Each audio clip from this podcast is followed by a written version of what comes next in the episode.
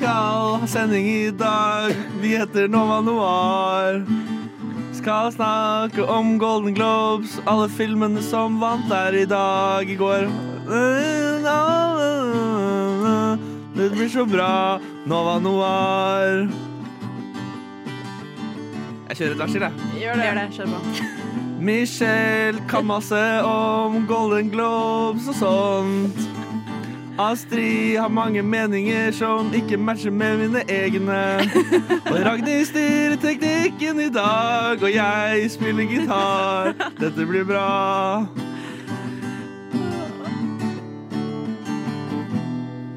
Tusen hjertelig takk. Det er Som du kanskje skjønner, er det noen tekniske problemer her i studio i dag. Og det uh, tvinger meg, dessverre Jeg hater at jeg må gjøre det. uh, at jeg må synge mine egne jingler. Uh, det kommer mange rare jingler i løpet av sendingen, så det er bare å grue seg. Åh, OK. Sånn. Jeg må komme meg til dette flaue Jeg syns det var kjempelig Ja. Tusen hjertelig takk. Det var fremragende. Var det? jeg elsker eh, ros. Tusen takk. Vær så god. Eh, vi skal, som dere kanskje hørte i jinglen min, vi skal snakke om Golden Globes i dag. Eh, og mer spesifikt eh, kategorien beste utenlandske film. Uh. Mm. Og da kommer Michelle til å komme med en liten sånn her eh, Golden Globes yeah. eh, hva skal man- 411. 101, som vi kaller en liten innføring. Fordi hva er egentlig Golden Globes? Hvorfor trenger vi det? Word. Oh, word. Eh, og så skal vi snakke om fire filmer de vi valgte ut fra denne kategorien som vi syns virket mest spennende. Det blir Society of the Snow, Past Lives, Fallen Leaves og Anatomy of a Fall. Og helt til slutt så skal vi fungere som en Golden Globes-jury og velge vår egne vinner av denne kategorien beste utenlandske film. Altså For oss så blir det jo også utenlandske film. Eh, Jeg skulle til å si at eh, å, det er om egentlig Amerika, da. Men altså, ingen av disse er norske. Så det Den heter vel heter kategorien kanskje bare non-English film? Nei, det Nei, Heter den ja. er det det? International? Vet det er kanskje Non-English. Ja. Ja. Så hvis den hadde blitt laget i USA, så hadde og, For oss hadde den jo vært utenlandsk likevel, men eh, eh, ja, Så hvis et Golden Globes hadde vært i Norge, så hadde alle filmer som ikke var på norsk, hadde vært uh, denne kategorien. Ja, eh, Så det blir bra. Vi skal gå gjennom alle disse filmene in depth først, før vi gjør en helhetlig vurdering og ekspertvurdering på hvilken film vi syns eh, er best. Eh, og så eh, annonserer vi vinneren helt til slutt. Men først så skal vi høre litt jokke. Og eh, nå kommer dagens intro til Sett siden sist. Sett siden sist. Veldig sensuelt. nå må dere si det. Sett siden sist. Sett siden sist. Oi. Oh. OK. Sett siden sist. Veldig bra. Altså Nå må jeg uh, ta bort gitaren igjen. Dette var veldig dårlig.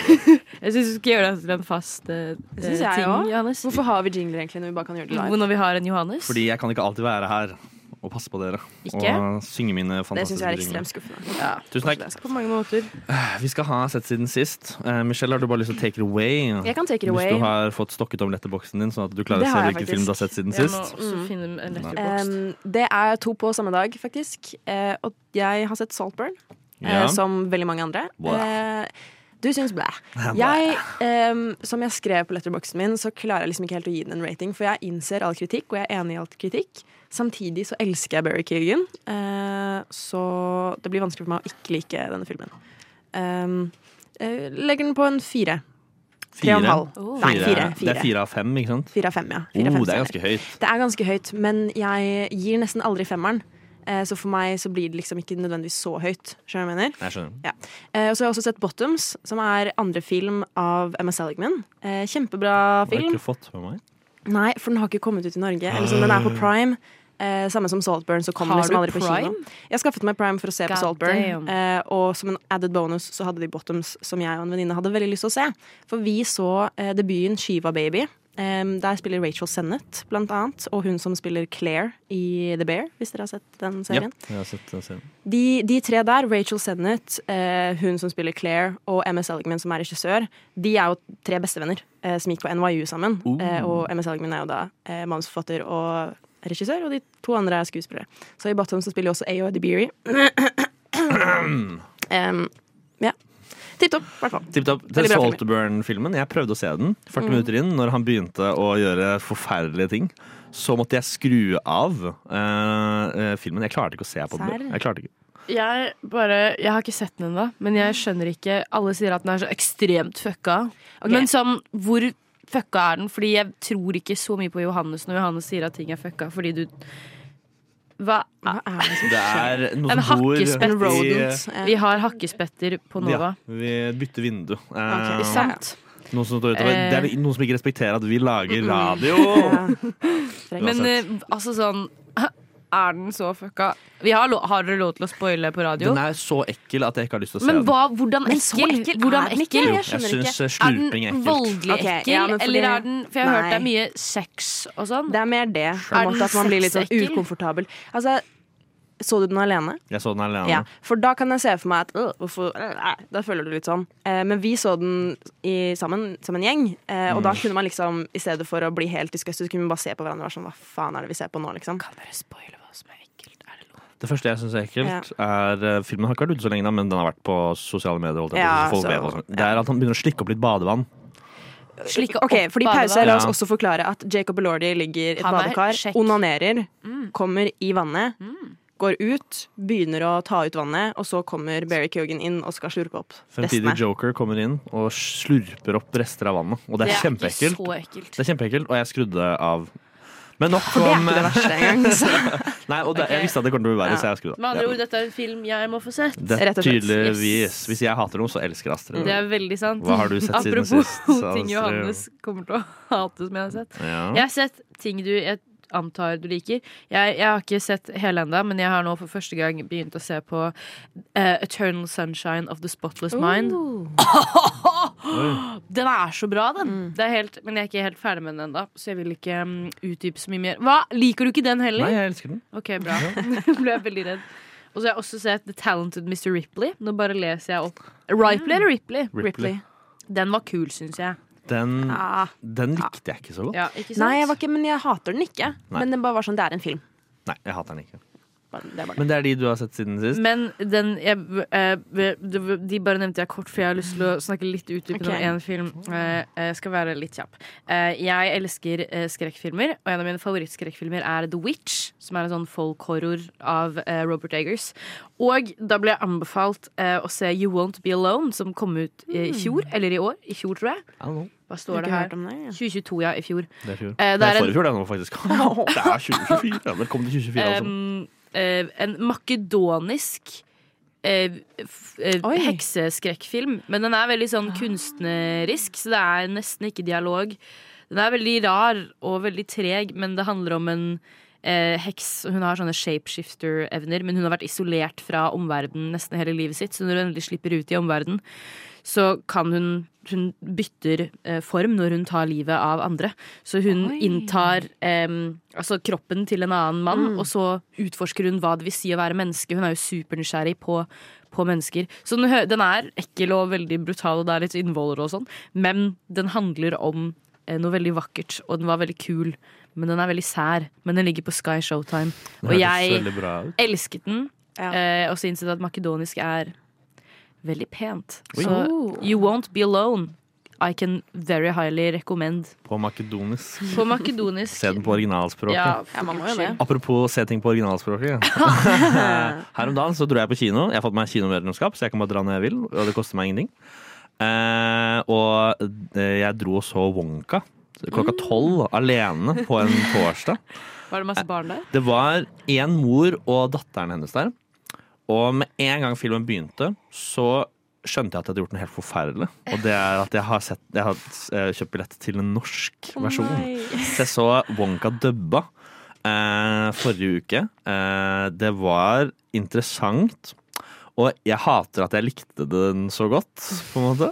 Fordi Eh, du har vært veldig kritisk Til, til, hele Wonka-greia. ja, Mm. og andre i redaksjonen som har gitt den bra på Letterboxd og sagt at de liker den og sånn. Så Ja. har Johannes bare vært i kommentarfeltet og vært sånn Ja, Det var en liten jeg har kjefta på det. Eh, Fordi du er jeg klar- bitter. Ja, jeg, er jeg er bitter. Eh, jeg er som Hugh Grant. Jeg er en bitter gammel mann.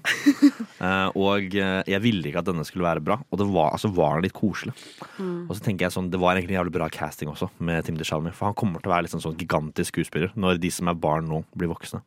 Men jeg lurer veldig fordi jeg har uh, hørt at den er overraskende musikalpreget. At det er mye Du har også sett den? Ja, det er, det er, det er veldig sånn, det er veldig Funker det, sånn eller er det sånn musikal. cringe? Fordi noen ganger så tror jeg, føler jeg at det funker ekstremt bra når i hvert fall sånn barnefilmer bryter ut i stort sangnummer, og noen ganger er det bare sånn oh. Jeg syns det funker greit. Uh, Tim Chalamet er veldig i rollen. Eh, han, han, du ser at han, liksom, han gir okay. alt som en sånn fjollete Wonka.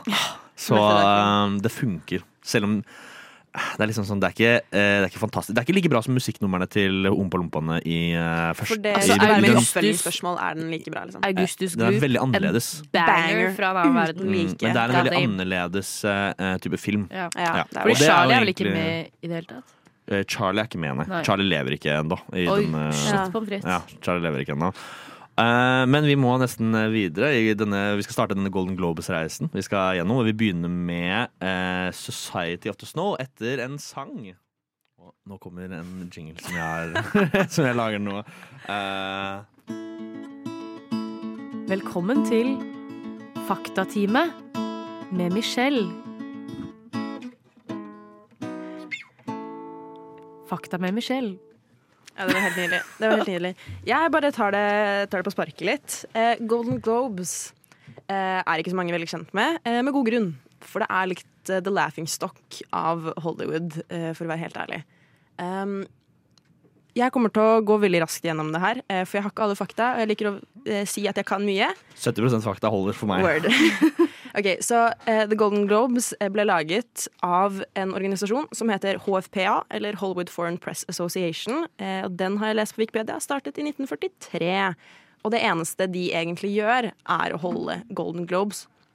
Um, og de ble laget som en organisasjon, eller de skapte den, fordi de ville på en måte øke prosessen eller få mer distribusjon av kino ut i ikke-amerikanske lander.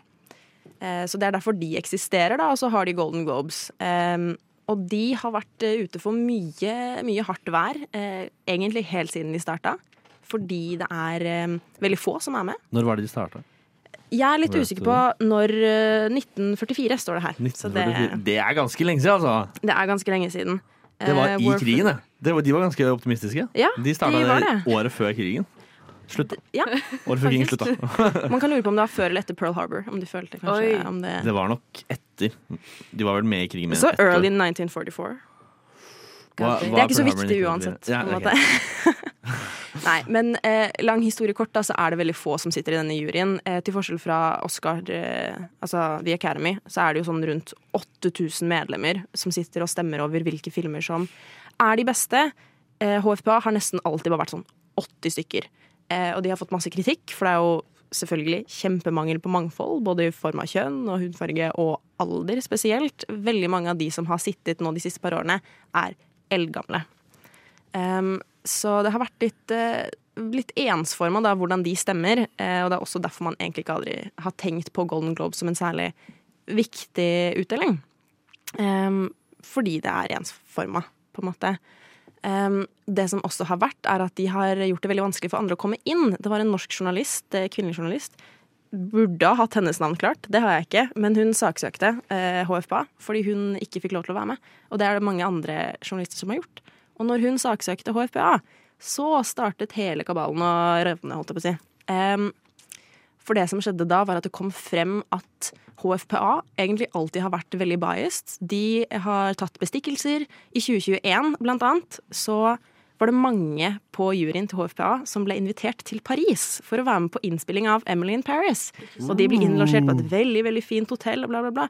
Og skulle man ikke tro det, Emily in Paris fikk ganske mange nominasjoner det året. Er ikke den skikkelig dårlig? Word. Eh, den er jo kjempedårlig. Um, eller det er jo subjektivt. Men Nei, den, um, det er objektivt. Okay, ganske objektivt dårlig, mening, Emily in Paris er ganske dårlig. Noen ting er bare objektivt. Um, så det har essensielt bare alltid vært eh, veldig useriøst. Eh, og mange anser også eh, selve Altså, å bli nominert til Oscarsene kalles jo ofte en campaign, fordi man legger inn masse Ja, man prøver å bestikke folk, og man jobber veldig hardt for å bli nominert. PR, Det er mye eh, private agenter driver med agenter. Ja, veldig mye sånt. Mm. Eh, så Golden Globes har egentlig alltid bare blitt sett på som a campaign stop. Liksom. Dette er noe du må gjennom. Eh, og det er veldig få ganger noe en film ikke har vært nominert til Golden Globes og vinner en Oscar senere. Så det er liksom ment til å være en pekepinn på hva som kommer videre. Men igjen så er det jo bare masse gamle menn som sitter og bestemmer hvilke filmer som er best, uten å egentlig kanskje ha sett alle filmene en gang. Um, så det er essensielt det Golden Globes er. Um, det som også er viktig å si, jo, eh, er at eh, etter hele denne skandalen, så i fjor Nei, 2022 blir det jo da. For i så, fjor. For i fjor. så viste de ikke eh, Golden Globes. Det, det var ingen kanaler som hadde lyst til å filme eh, og sende Golden Globes. Så de hadde bare en liten utdeling på et eller annet hotell, der de bare listet opp alle som vant. Um, og så eh, ble det solgt til en megamilliardær, som ikke er noe bedre enn disse 80 mennene som sitter og bestemmer hvem som skal vinne. Eh, og i år da så var det CBS som sendte i forhold til NBS som har sendt tidligere. Så, eh, Har han nå valgt alene hvem som vinner? Den, Den megamilliardæren? Nei, men man kan jo på en måte tenke seg at han har jo noen interesser sånn ut, eh, hvor Ja, men faktisk. eh, han har jo interesser eh, innenfor visse arenaer eh, som han kan tjene penger på, da. Atombomber. Blant annet. Det var vel Oppenheimer som vant beste film, var det ikke det? Jo, jeg tror det. Jo, og så vant vel uh, Killian, Killian vant. vant beste skuespiller, og så Ja. vant Robert Downey beste mannlige Og. Nolan vant vel beste regissør. Mm, beste Ja. Så det, altså, det sweepa litt flora. Det gjorde jo fort det. Ja. det, jo fort. Barbie ja, endte jo bare på to vinseire. Ja. Og det var sånn beste Det var beste sang. Originalsang. Ja, Billie Eilish og, vant. ja, Mm. og beste Hva var det andre? Beste musikal? Nei. Vant ikke Margot Jeg husker faktisk ikke. Nei, jeg tror det var en filmvinn. Den siste. Det burde vi kanskje hatt litt klart. Ja, men men sånn, De var eh, sånn nominert for sånn tolv ting, og de vant bare to. mm. Apropos uh, hvordan de tok opp Barbenheimer på Ja, på Golden Globes. Uh, um, for de som ikke har fått det med seg. Nå skal jeg ikke sitere denne mannen ordrett, men sånn halvveis ordrett. Han, hva er det han heter? Han Joe norsk. Joe Coy. Han snakket, han snakker ikke norsk. Eh, hvem, for det første, hvem faen er Joe Coy? Aldri hørt om Aldri hørt om. Fuck are you, En eller liksom. annen, en eller annen eh, dust som Ja. eh, hostet The Golden Globes Award. Og da skal man jo være litt sånn drøy og tøyse litt og sånn. Mm. Og jeg tåler det. Mm. Men han valgte å introdusere kinoeventyret Barbenheimer med å si at de to mest hypa filmene i år var eh, eh, eh, Oppenheimer, basert en Pulitzer Prize winner. Er det ikke den, den prisen heter? Ja, Pulitzer? Prize. Pulitzer Prize winner. Eh, basert på en Mm. superlang eh, roman. 700 sider roman. Ja. Ja. Eh, og den andre er Barbie. En film om en plastikkdukke with big boobies. Ja. Det er eh, Hysterisk! Morsomt. Ja, morsomt. Smakelig å si. Ja. Og så eh, føler jeg også det bare beviser hele Ja. poenget til Barbie-filmen. det. Eh, det blir veldig tydelig hvorfor man trengte Barbie-filmen, og at man trengte at den var sånn som den var, og var Mm. så tydelig feministisk propaganda, om det er det du vil kalle den, når eh, en host på Golden Globes føler at han fint kan stå der og, og si sånne ting, da. Ja. Det ble Det veldig ekkelt. tydelig eh, merket i salen blant ja, Veldig publikummet. Som ikke var veldig fornøyde med ehm, Ja, med generelt hans standup-show, da, holdt jeg på å si. Eller hans introduksjoner til filmene. Um, med. Harrison, ja, Harrison Ford som så ut som han skulle liksom flippe bordet og løpe ut derfra. Mm. at han i det hele gidder å være der. Han er ikke nominert til noe. Men han er så søt. Han er Han, ja, han skremmer meg. Uansett. Eh, det er greit å være litt drøy, men da må det i hvert fall være morsomt. Altså, Ja. Når du bommer på begge deler, så er det liksom To eh, minuspoeng gjør ikke en pluss Nei. eller noe i virkelig verden. Men vi har, en med, vi har jo faktisk eh, flere gutter enn jenter i denne juryen her i dag. Så vi har jo på en måte lært noe da, av Golden Globes sine feil. Hæ? Vi skal jo være vår egen jury i dag. Vi har flere gutter enn jenter. Nei, jenter enn gutter. Sa du gutter enn Eh, jenter? Kanskje jeg sa det, men da mente jeg ikke det. Jeg hang meg veldig opp. Beklager, jeg mente ikke å kalle dere gutter. Um, Det går helt fint. min feil.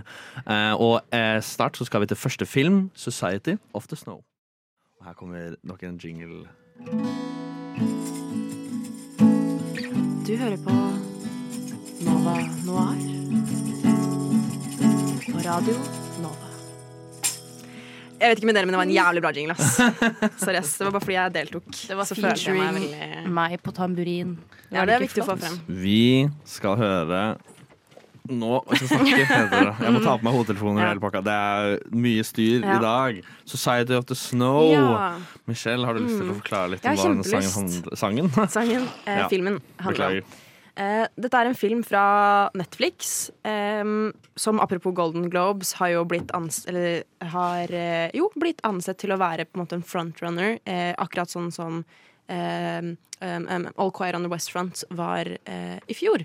Uh, men det er ikke viktig for filmen, fordi filmen handler om en real case der det var et uh, Hvordan sier man urug uruguansk? Nei. Urug Urug uruguansk? et, et, det var et rugbylag fra Uruguay. Rett og slett. Em, som i 1972 1972 Jeg tror det var 1972. Jeg mener å huske at jeg leste 1972.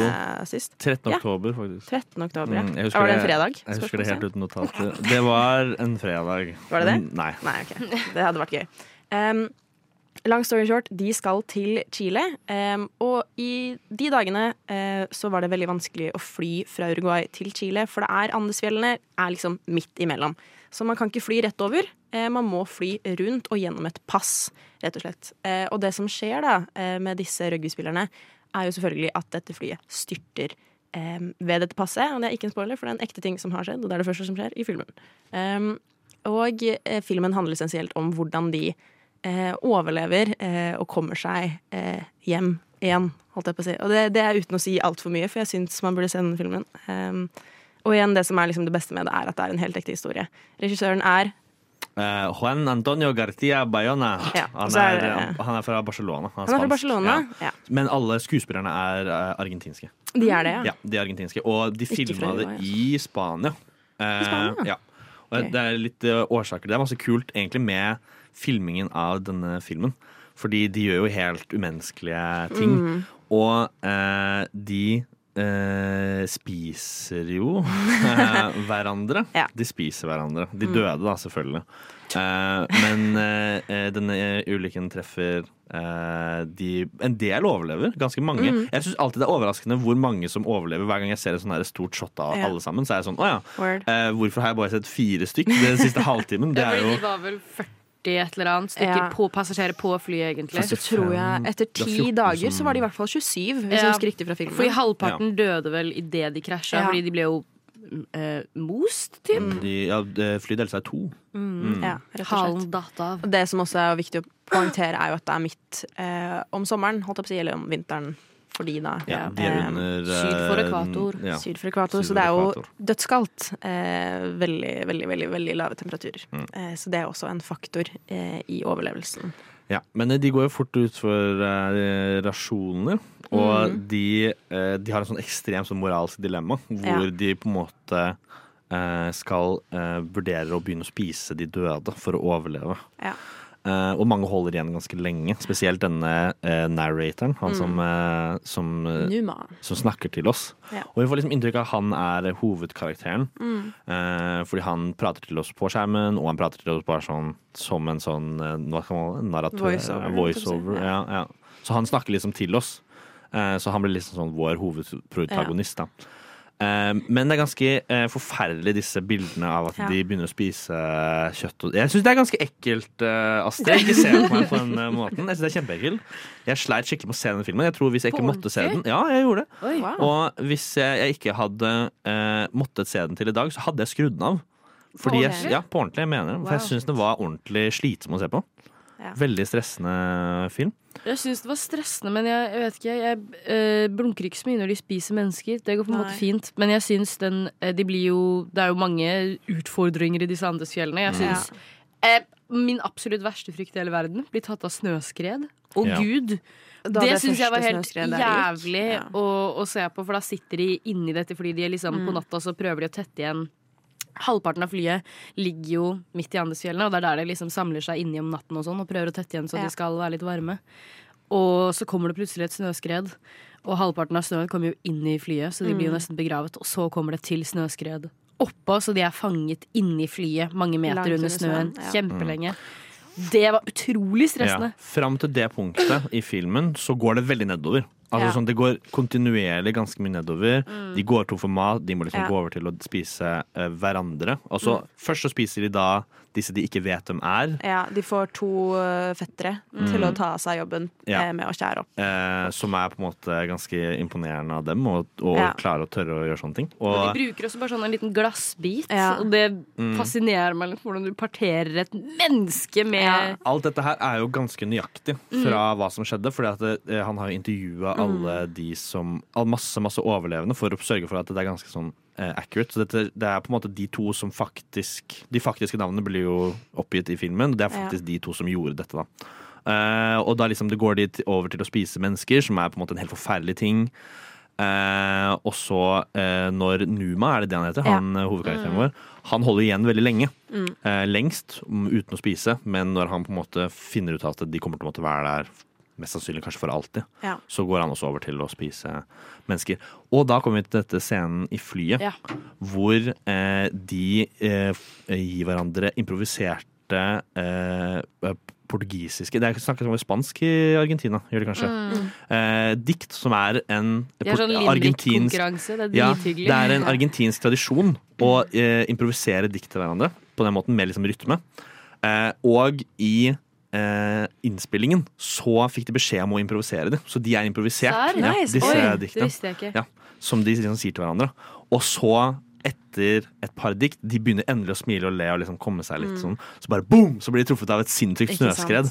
Og det er en helt forferdelig scene der, Ja. hvor eh, en mann og kona hans blir begravd, og mannen kjenner at kona er under føttene hans, Ja. under snøen. Ja. Og hvis han Eh, prøver å dytte seg ut, så dytter han, Så dytter han henne lenger ned. ned. Mm. Og det er liksom som, det er bare så jævlig. Det er Ja. så jævlig. Og, så- ja. Så jeg sleit skikkelig med Jeg bare synes sånn Katastrofe på katastrofe er skikkelig slitsomt å se på. Jeg tror det eneste som for meg eh, gjorde meg litt sånn Det eneste som satte meg ut, egentlig, var De tar jo masse bilder underveis, for det er en av disse lagkameratene som har med seg et kamera. Så han liksom insisterer på å ta masse bilder. Um, og disse bildene finnes jo på ekte. De vises Ja. jo i slutten av filmen. De er men jeg helt måtte... like. De De er, er helt identiske. like. Ja. Og på det ene bildet så ser man jo et, uh, bare et sånn rib cage Mm. til et menneske som er helt ribbet for kjøtt. Og jeg tenkte sånn, det kan neppe være på det originale bildet. Og det er det faen meg. Det meg. er på originale Det bildet. helt Det er nesten like ekkelt Mm. på det originale bildet. Bortsett fra Ja. at det er svart-hvitt, heldigvis. Ja. Uh, Så- De er helt uh, De er så ekle, de bildene. Mm. Eh, og det er litt sånn når de endelig ber Nå hopper vi veldig fort til slutten, men når de endelig blir redda, så, er det liksom sånn, så ser de på denne gravplassen Ja. av liksom ribba bein, og der ligger det bare eh, mange, mange døde, ribba mennesker. Og så er det Mm. Ja. sånn, hva gjør vi med dette når det kommer folk for å redde oss? Ikke sant? Så er det sånn, jeg vet ikke faen, ja. Det er jo ingenting man kan gjøre. De er blitt så vant til å, å gjøre det at det liksom Ikke sant? Ja. Men jeg syns det var veldig kult med filmen, og det var litt, for jeg visste jo godt om uh, eh, ulykken og hva, Mm. hva filmen kom til å handle om, på en måte. Og da kan man jo velge å um, portrettere det på veldig mange ulike måter, for det er jo et kjempestort etisk dilemma. Det er klart å liksom velge å spise vennen sin når man er strandet i Andesfjellene. Og de diskuterer jo det veldig lenge. Det er jo et av argumentene sånn Jeg tror ikke dette er lovlig, liksom. Tenk om vi blir arrestert når Ja. folk finner oss. Det er ikke Ja. lov å spise mennesker. Men de har jo jeg vet ikke om de liksom har blitt anerkjent som liksom helter, men de har jo fått veldig mye anerkjennelse for at Ja. de klarte å pushe seg så ekstremt i, i kampen for å overleve. Mm. Og jeg har vel ikke liksom hørt om noen som har liksom vært sånn At ah, dere negative. spiste folk, det burde dere ikke Jo, gjort. det er ass». faktisk sånn at uh, mange av de har ikke vært i kontakt med familiemedlemmene sine engang. Oi. Oi. Fordi på grunn av de tingene de gjorde. Ja. Så de har ikke liksom fått Eller sånn, de har ikke fått Ja. forståelse for de tingene de gjorde. Det er også et veldig sånn religiøst dilemma, for mange Ja. av de er jo veldig, Veldig veldig, kristne. ja. Argentina har et sånn veldig Eller spanske land generelt har en veldig sånn her sterk tilknytning til døden. Ja. Eh, så det er liksom sånn det er, Ja, det er ganske De ekstremt føler jo religiøst litt dilemma. at de fratar de døde sin rett på en måte å være i ro og Ja. kunne gå videre, liksom, hvis de Mm. spiser opp. Så det er veldig mye religiøse eh, eh, diskusjoner der, og så er det veldig mye sånn etiske diskusjoner som de har sammen. Og så er det, og så er det også litt sånn rettslige, og så er det liksom sånn den medisinske delen av det. Og det er jo fordi at alle disse menneskene var jo De studerte ulike ting, de var veldig Ja. ulike personer. Og veldig ressurssterke, veldig smarte, Ekstremt. Eh, veldig atletiske mange. De hadde hver sine styrker. Og jeg vet at manusforfatteren hadde, Nei, altså regissøren hadde snakket med manusforfatterne eh, om at eh, aldri prøv å gjøre noe som skjer mer spennende. Fordi at det er sjukt nok fra før av. Ja. Så det de skulle fokusere på, var hvorfor de gjorde de tingene de gjorde. Og det kommer veldig tydelig frem i filmen. Og det var det jeg likte så godt. Ja, Det er det som er veldig bra med den filmen. Er at Det handler ikke om sånn Wow, dette er sykt! Det er ikke en, Hollywood, ikke en Hollywoodifisering av denne hendelsen. Det er en veldig sånn De fokuserer mye mer på det, eh, det moralske og liksom det indre. Altså hva som drev dem til å gjøre de tingene de gjorde. Det synes jeg var veldig bra, for det kunne fort blitt en sånn katastrofefilm 2012-opplegg, hvor de bare Ja, dro på noe jævlig. Og det er så synd, fordi det er det, Jeg skal ikke si det er en jævlig kul historie, men det er jo en veldig spennende historie som sier veldig mye om Det er helt mennesker, da, og hva man eh, pusher seg til å gjøre for å overleve. Altså hvor, hvor sterkt overlevelsesinstinktet står, men også eh, hvordan det kriger med liksom, menneskeligheten og moralene eh, i deg. Jeg har nevnt før at jeg syns den minner meg litt om Everest. Jeg husker ikke når Everest er fra. Men det er en film som bare heter Everest, med Jake Gyllenhaal og okay. en eller annen kjent person jeg ikke husker hva han heter. Og det er også om en sånn stor tragedie som skjedde på Everest et eller annet år hvor det var helt sinnssykt mange klatrere som døde, for det var plutselig uvær og masse problemer og sånn. Og det, den minner meg om det fordi det er jo litt like omgivelser, men der kunne de også valgt å dra på skikkelig og bare gjøre det überdramatisk. Men de har heller valgt å fokusere på eh, etikken bak det, da, det menneskelige dilemmaet som Går jeg tilbake her og risikerer mitt eget liv for å redde det dette mennesket? Eller, det. eller tar jeg bare sjansen og kommer meg selv i sikkerhet, på en måte? Ja. Ja, så det er veldig harde moralske dilemmaer. Og det som er ganske spennende med denne Numa-karakteren Numa han heter. Jeg må bare passe på at jeg husker det. Er mye utenlandske navn. Der blir det veldig vanskelig å huske noen ganger. Når det er veldig ukjente navn. Eh, men han dør jo, og han er også siste til å dø. Så han er ganske, det er ganske eh, tenkt ut at han er den som, som skal eh, eh, snakke med oss, fordi han er den siste til å dø. Og han var også beskrevet av de overlevende som, liksom, som den mest uselviske personen. En som bare alltid ga av seg selv. Altså Til slutt så var han sånn Jeg vet at jeg dør, ikke gi meg mat. Jeg trenger ikke det. Jeg kommer til å dø uansett. Så han er veldig sånn den mest uselviske personen som var der, og eh, den siste til å dø. Så det passet veldig bra at han var den som liksom var vår kobling mellom de døde og de levende. da Det kommer jo veldig tydelig frem i eh, når de finner han død, eh, neste morgen han dør under natten. Så har han, Mange av de skriver lapper eller brev til eh, sine slektninger og venner og whatnot, og han har bare én liten lapp der det står det beste Eller nå paraphraser jeg, for jeg husker ikke helt ordrett hva det står. Den men sånn, største gleden, tror jeg det er. ja, sånn den som- største gleden er å kunne eh, dø for sine venner, holdt Ja. jeg på å si. Gi, mm. Eh, gi, alt, alt for sine venner. Ja. Eller noe sånt. Ja. Så er det er ganske sterkt. Mm. Jeg er egentlig ikke så glad i katastrofefilmer, eh, og jeg var ganske skeptisk sånn underveis. Jeg syns det er en veldig spennende case, og så var jeg sånn Jeg vet ikke om jeg liker filmen eller ikke. Men jeg ble så emosjonell eh, på slutten når de vet at de nå blir vi henta. De hører det på den radioen sin de har klart å skaffe. Og så begynner hun å vaske seg selv Mm. eh, og shave Og ta gelé i hår og Og da, ble da var det nesten så det rant en tåre. Altså. Ja. Jeg syns det var så sterkt. Men slutten er, eh, vi kan bare snakke litt om slutten før vi skal gå videre til neste film. Og det er ganske, ganske interessant på slutten, er at eh, det er utrolig melankolsk følelse man sitter igjen med. Du skulle tro at når de kommer med helikoptrene, så sånn, ja, de jubler der og da. Mm. men når de kommer tilbake, og du ser liksom sånn De kommer seg over alle alt, eller inntrykket når de først er der. Ja. Og han ene møter moren sin, og da er det noe ganske interessant som skjer. Det er at Hun sier det er et mirakel, det er et mirakel. Og han liksom tar det innover seg. Bare så, et mirakel, hva er det du mener? Liksom Ja. sånn, Jeg har gjort skjønner, jeg skjønner før. hva Ja, som har skjedd. Meg, liksom. uh, og det er når alle sammen sitter inne på det rommet, Mm. helt, helt, helt til slutt, så ser det liksom sånn Det er en utrolig sånn mellow det er jo kalle det. ødelagt Sykehuset. for alltid, på en måte. Ja, altså sånn Det er ikke en lykkelig slutt, og ingen av dem følte at det var det heller.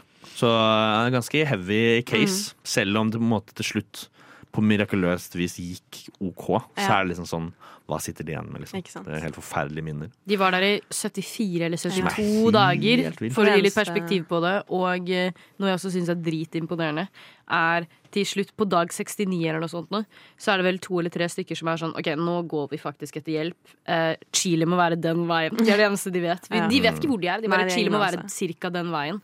Og så begynner de bare å gå. Det er modig, ass. Og de går så sykt lenge, og det er et sånt uh, utrolig nydelig klipp hvor de har kommet seg opp på en sånn eh, fjellegg, heter det vel. Hvor de ser liksom ned i dalen og over alle Andesfjellene. Og så er det bare sånn De er, de er så sykt langt unna av alt.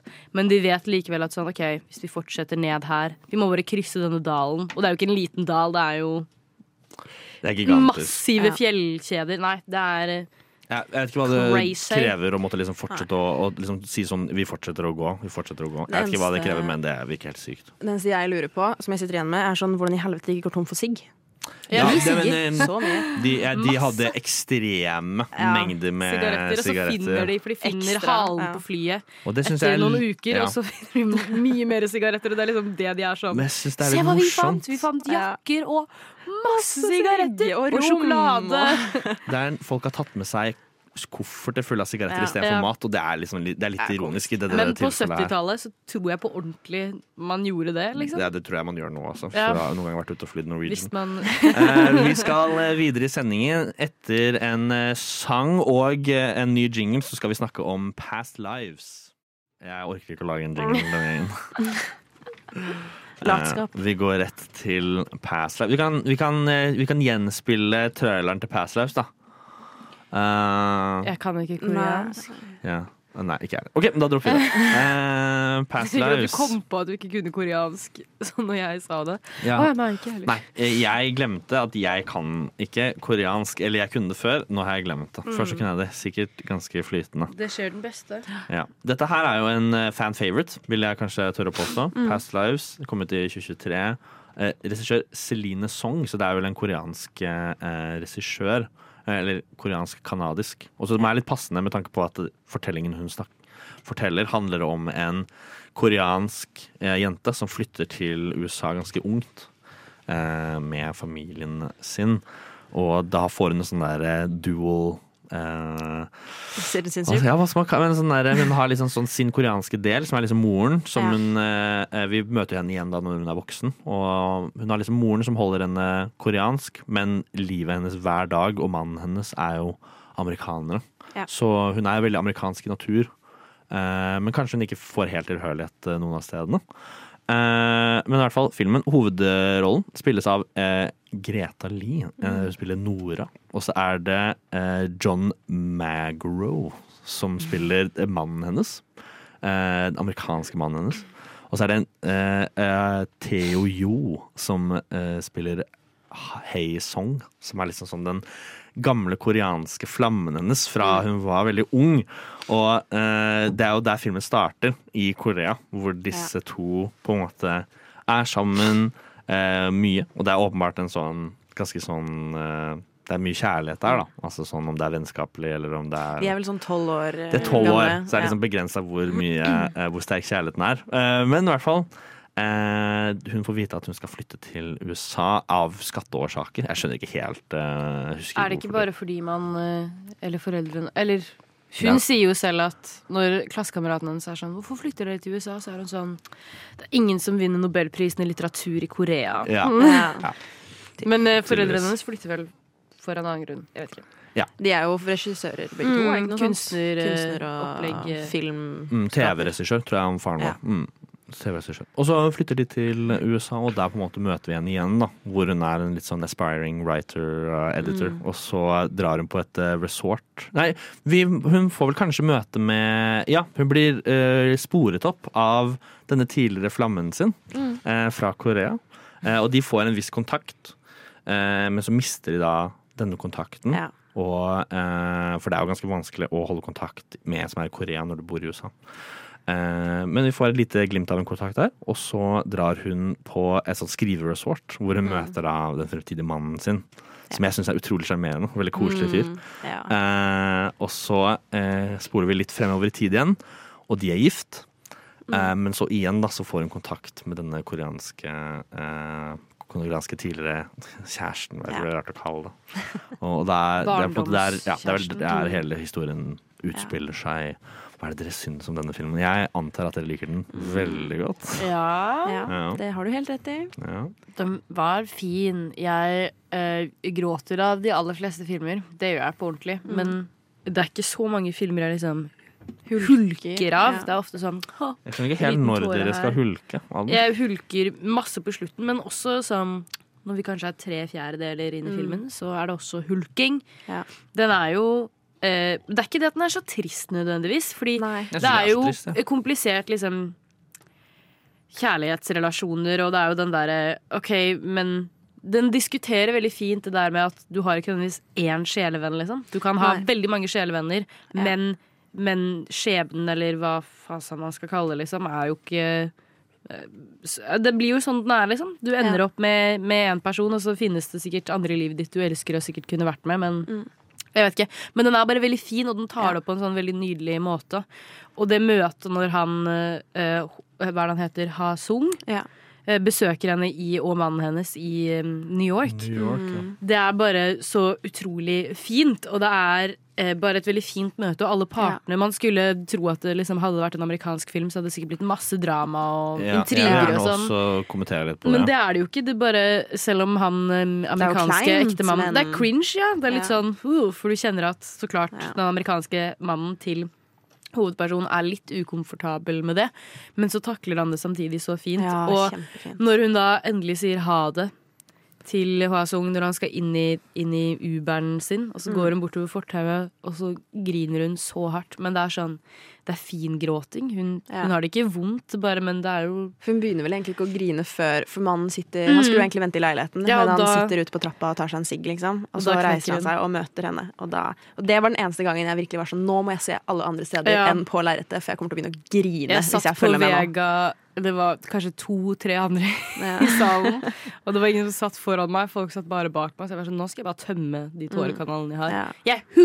Jeg hulket sånn Ja. stygg-grining. Det var helt fantastisk. Mm. Det var noe som gjorde det bak meg, når jeg satt og, og jeg syntes det var veldig slitsomt. Fordi jeg klarte ikke helt å følge med på filmen Nei, når eh, hun skal drive og sulte så jævlig. Gråt du ikke litt, Johannes? Nei, jeg gråt ikke. Det syns jeg er sykt. Jeg, jeg, men jeg, synes, jeg ble veldig rørt av mange ting. Ja. eh, spesielt. Men jeg, jeg følte vi, jeg, kom ut av, jeg så den med veldig mange andre. Ganske mange i redaksjonen. Eh, og jeg kom ut av filmen, og alle hadde hver sin del de syntes var veldig bra. Og det syns jeg var litt interessant, og det, synes jeg ganske, det er et tegn på en ganske bra film. Ja. Når eh, jeg relaterer mest til én karakter, mens andre relaterer mest til en annen karakter. Det vil si at det er dybde dybde Det er overalt. veldig dybde i alle Virkelig, karakterene. Og eh, akkurat det du sa tidligere, med at eh, dette er ikke en amerikansk film i det hele tatt. Når det kommer til I en amerikansk chick flick eh, romcom ja. ville på en måte mannen overreagert. Ja. Eh, hun ville blitt hysterisk. Ingenting av det skjer. De er skikkelig voksne om det. Ekstremt. Og de er veldig veldig flinke. Eh, de, de snakker sammen som jeg tenker sånn. Sånn vil jeg også prate med min partner. De er kjempeflinke til å prate sammen. Og det syns jeg er skikkelig fint å se på film. Og det viser at konflikt trenger ikke å være kjefting og bråking. Det kan være en sånn skikkelig sånn eh, øm vondhet. For alle vi er mennesker, og vi er veldig komplekse, og vi skjønner oss på disse tingene. Vi trenger ikke å bli fortalt sånn så, så tydelig sånn ah, 'Jeg er jævlig sur på deg', bla, bla, bla. Ja, 'Jeg er sur på deg også, jeg kan ikke tro at du ville gjort dette mot meg'. Vi trenger ikke det. Vi kan se to stykker som bare ser på hverandre, og så skjønne hva de tenker. Fordi vi også er kjent med de følelsene. Kom- ja. Ja, bare sykt fin den scenen hvor, hvor han eh, ektemannen bare Ja, hvor de ligger i senga, og han ektemannen bare er sånn veldig ærlig på at sånn Det, det suger litt, eh, liksom, men jeg forstår at det er viktig for deg å møte ham, så jeg skal ikke stoppe deg fra det.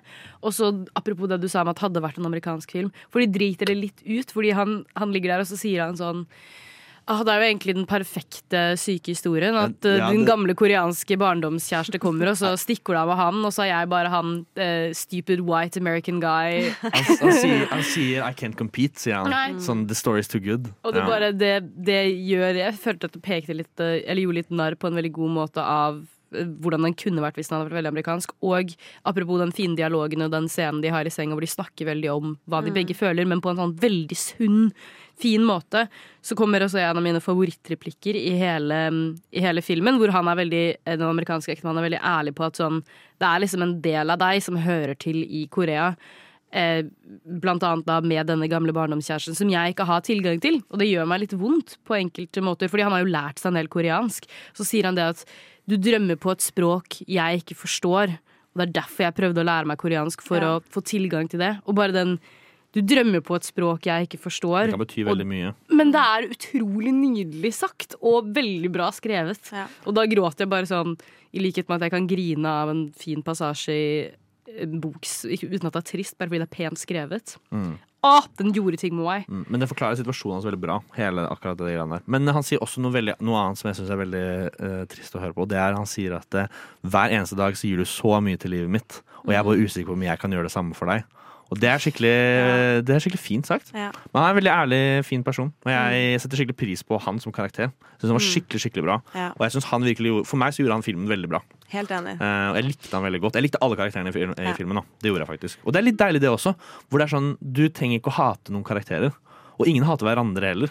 Nei. Og det er litt sånn deilig å se. Det stemmer veldig godt overens med min eh, favorittdel av denne filmen. Eh, for de tar jo opp et tema, eh, eller en ting, da, eh, som heter Indian. Eh, og det eh, må dere hjelpe meg med å huske helt akkurat hva det er. Men det handler vel om at du har en viss eh, kobling da, til en annen person En, i alle ja, typer en del av buddhismen. Man, Ja. Veldig mange i Korea er jo eh, buddhister, så man tror Mm. på reinkarnasjon. Så det er jo dette at du har levd tusenvis av liv før, og kanskje i mange av disse livene så har du en sånn sjelevenn som er forutbestemt, men du må ha tusen lag med innying for at man skal møtes og etablere kontakt i, i dette, livet. Ja. Nei, det er ja, ja.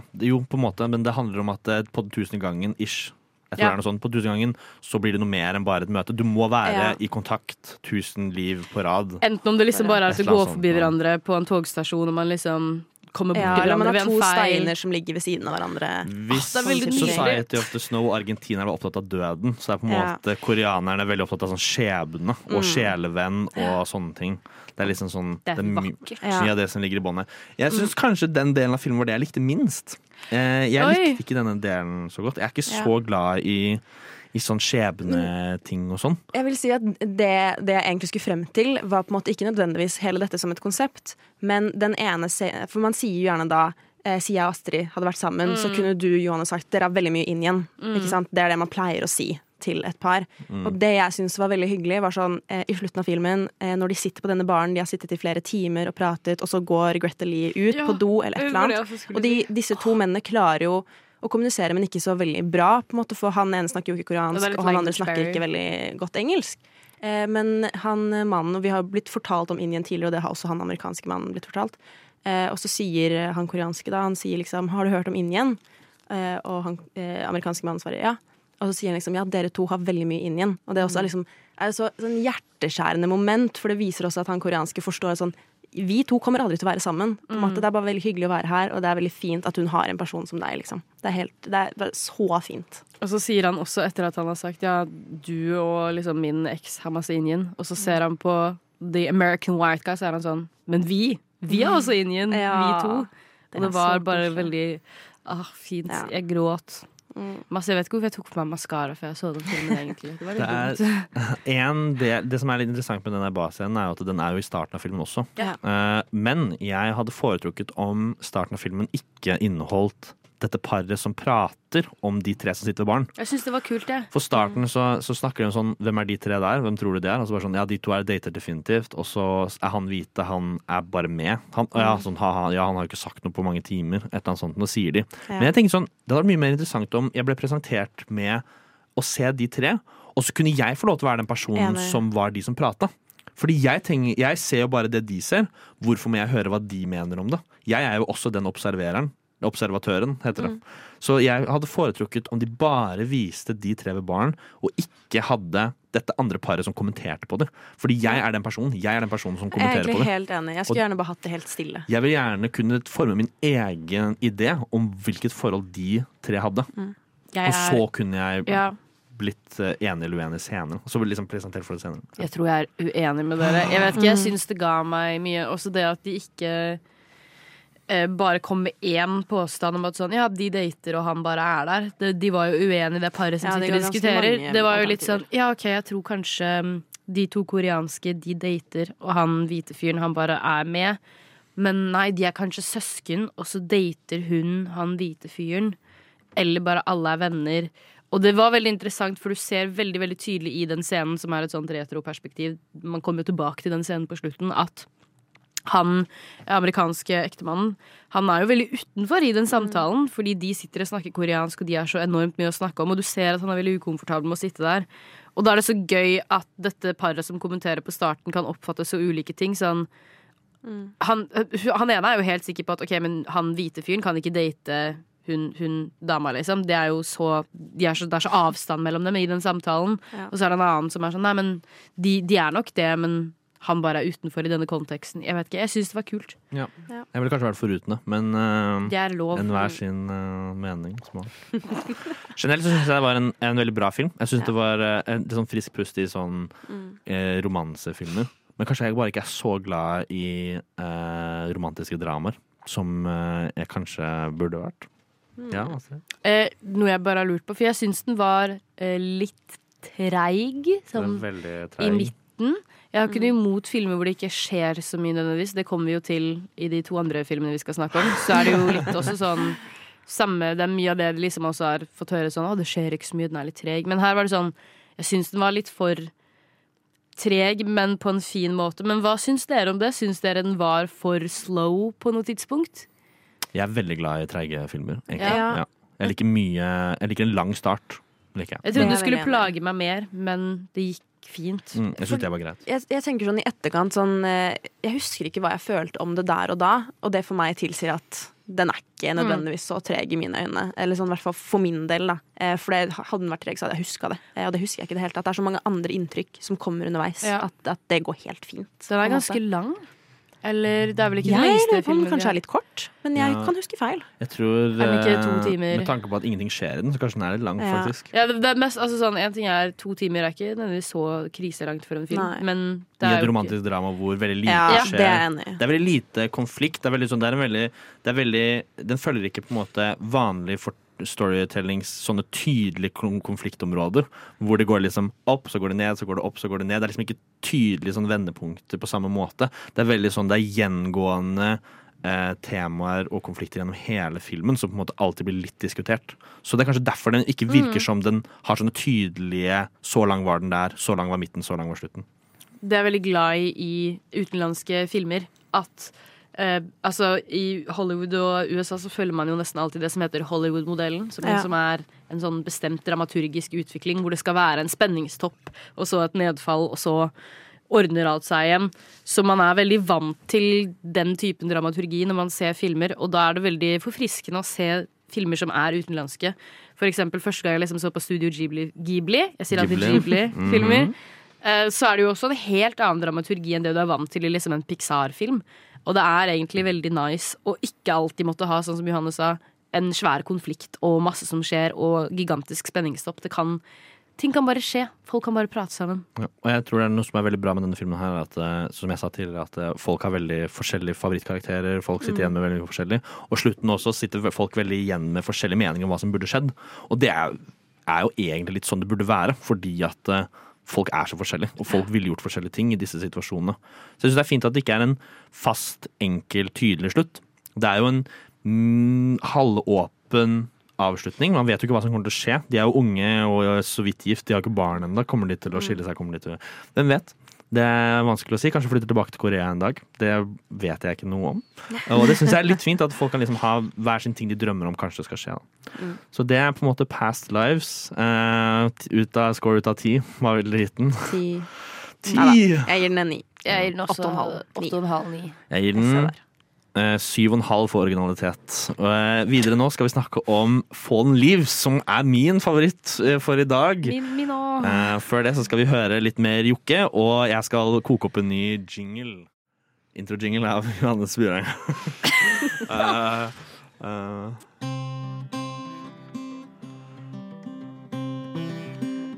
Eh, Nova Noir Nova Noir Du hører på Nova Noah. Takk for meg. Det var utrolig bra, Johannes. Tusen takk. Jeg har støttende venner. Ja. Du er flink, er du. Takk.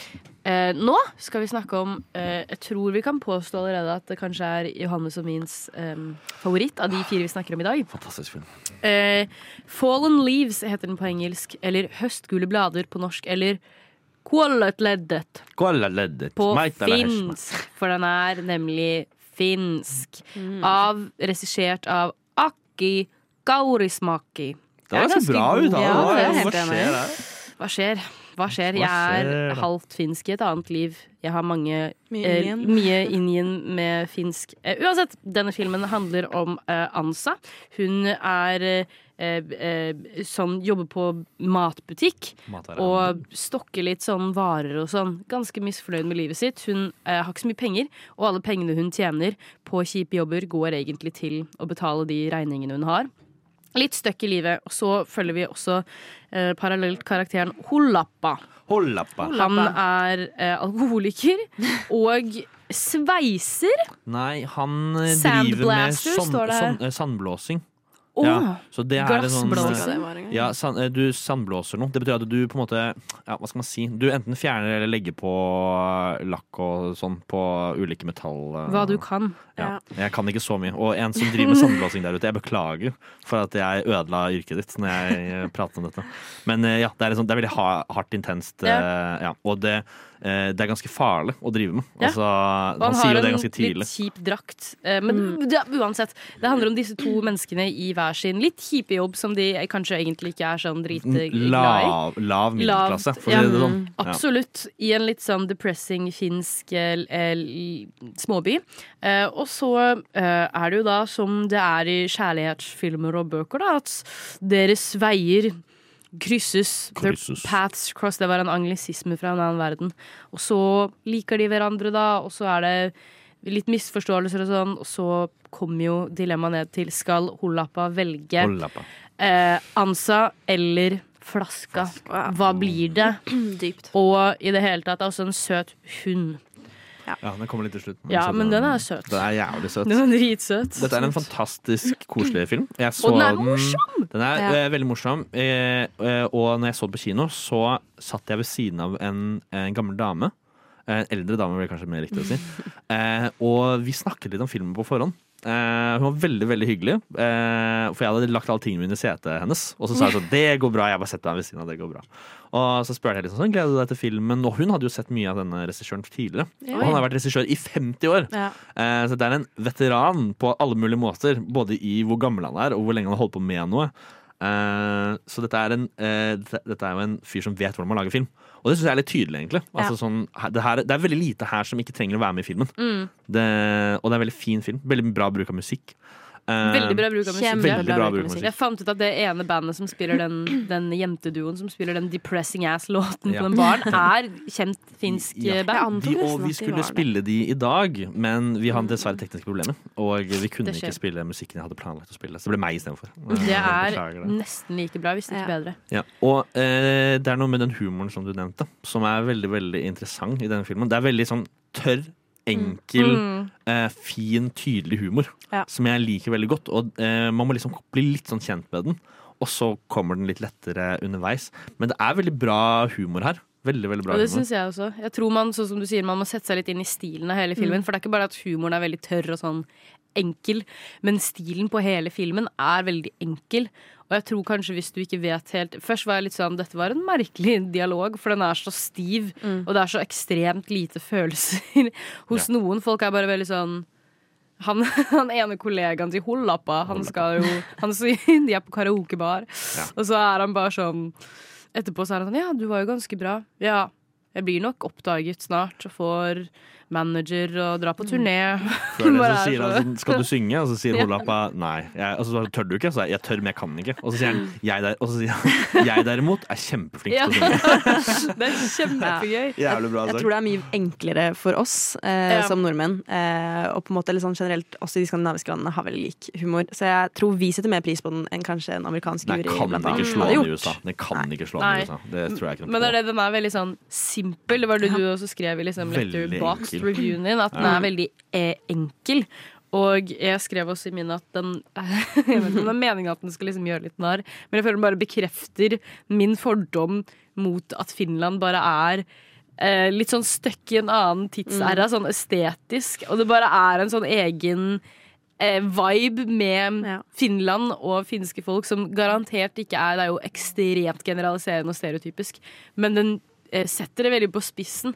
Og det er veldig gøy, og alt er liksom litt sånn depressivt og veldig enkelt og veldig rett fram. Det er ikke så mye lag, men på en god måte. Men det er definitivt litt sånn tukling med tid Ja, i denne filmen. det fordi eh, det, alt tilsier at dette er på 90-tallet, kanskje seint 80-tallet. Med hvordan liksom sånn hvordan, Hvor mye de får betalt, hvor dårlig betalt det er. Mm. Hvordan eh, butikken er drevet med en liksom Ja. sånn Det er ikke lov å ta mat som skal kastes. Det er, liksom sånn, det er veldig mye sånne rare regler. Og klær og alt klærne er veldig gamle. Ja. Ingen har telefoner på samme måte. Altså, de har sånne klapptelefoner innimellom. Uh, Nokia Bricks, liksom. ja, yeah. Så, uh, og, og barene er veldig gammeldagse. De drikker ut av uh, melkeglass liksom, på barene. Så det, jeg ser for meg at eh, Helsinki i dag er nok litt mer moderne Ja, enn 100%. dette her. Eh, så jeg trodde først at filmen var liksom 90, det er 90-tallet. Ja, ja. Men så setter hun på radio når hun kommer hjem til den veldig enkle leiligheten sin, og da snakker de om krigen mellom Russland og Ukraina nå. Mm. Eh, og det er jo litt sånn, sånn sentral sånn, Den følger jo hele historien. følger eh, Krigen er liksom alltid til stede sånn innimellom. De spiller radioen mye. Ja. De spiller radioen mye, eh, og det er jo ikke TV. Eh, så da var jeg litt sånn Oi, wow, jeg, når er dette her, egentlig? Det så så det er jo tydeligvis da i 2022, da, mm. Ish. Men det er jo ikke det. Estetisk så er det jo ikke det. Nei. Det er jo en plakat. Hun går fra busstopp en dag, eh, og så er det en plakat av Extinction Rebellion i bakgrunnen. Eh, og da står det jo 2022. Ja. Liksom. Ja, og så er det jo på De drar på en sånn kinodate, og da ser de Om eh, Hva er det den heter igjen? The Dead Don't Die. Eller Dead Don't Die. Er det ikke den heter? Åh, den er legendarisk. Det er så Med Adam morsomt. Driver og Bill Murray. Kino. Blant annet til The zombiefilm. Hvis du ikke har sett den. Jeg har ikke sett den. Den er kjempelættis. Ja. Men hun også sier det. Det er veldig gøy når de går ut av kinoen, ja. og det, er, det paret som kommer ut først, det er mann, de to mennene, som skal være skikkelig filmbros. Ja, og det er de, så gøy. det eneste de sier til hverandre, er hvilken annen film det minte dem om, og så går de sin vei. Og det syns jeg var veldig fantastisk. Men det beste er jo at han, eh, han ene eh, sammenligner jo med en Godard-film, som hun så absolutt ikke er. Og da merker du veldig tydelig i salen hvem som ler og Ja, ikke. fordi jeg tok den ikke, men jeg liksom skjønte hva det var ment å være at det skulle være filmbrovete. Men jeg hadde liksom, den filmen ga meg ingenting. Og så, så jeg så den i går. Jeg satt på siden av en sånn Iber filmbro Løkka-dude med liksom skjerf opp til hit Ikke sant? og sånn liten lue som bare er på på toppen av hodet. Dere skjønner hva jeg mener? Ja. Og han skrattlo. ja, men det var, det, var veldig, det var veldig morsomt. Det var litt sånn spot on. Ja. Eh, likte jeg veldig godt. Men så er det jo eh, De drar jo på kino, og de møtes jo eh, først på en bar hvor de synger denne karaoke. Da bare ser de på hverandre. Ser er som første møte. Andre møte, da blir baren som hun jobber på, stengt.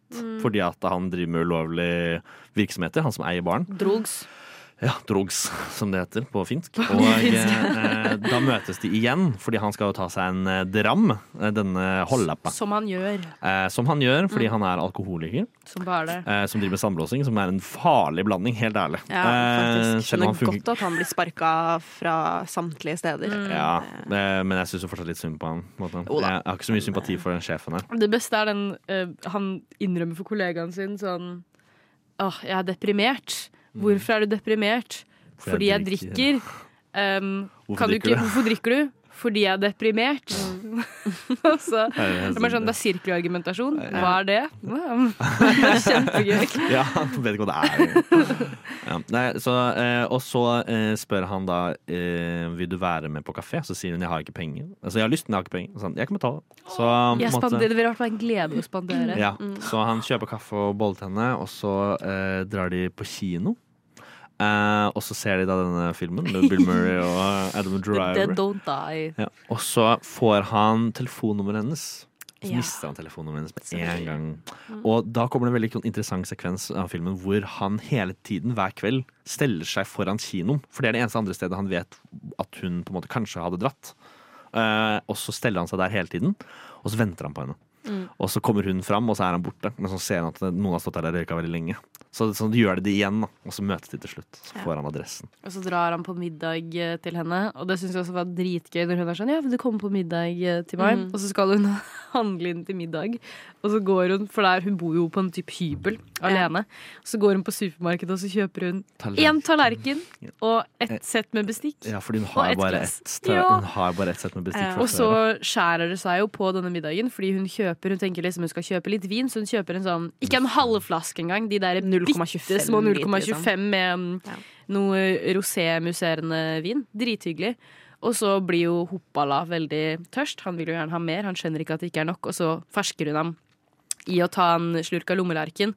Og da er hun veldig tydelig på sånn Hele familien min har dødd av alkoholisme, liksom. Kan du ikke? Og da var han bare sånn Jeg tar ikke ordre fra noen.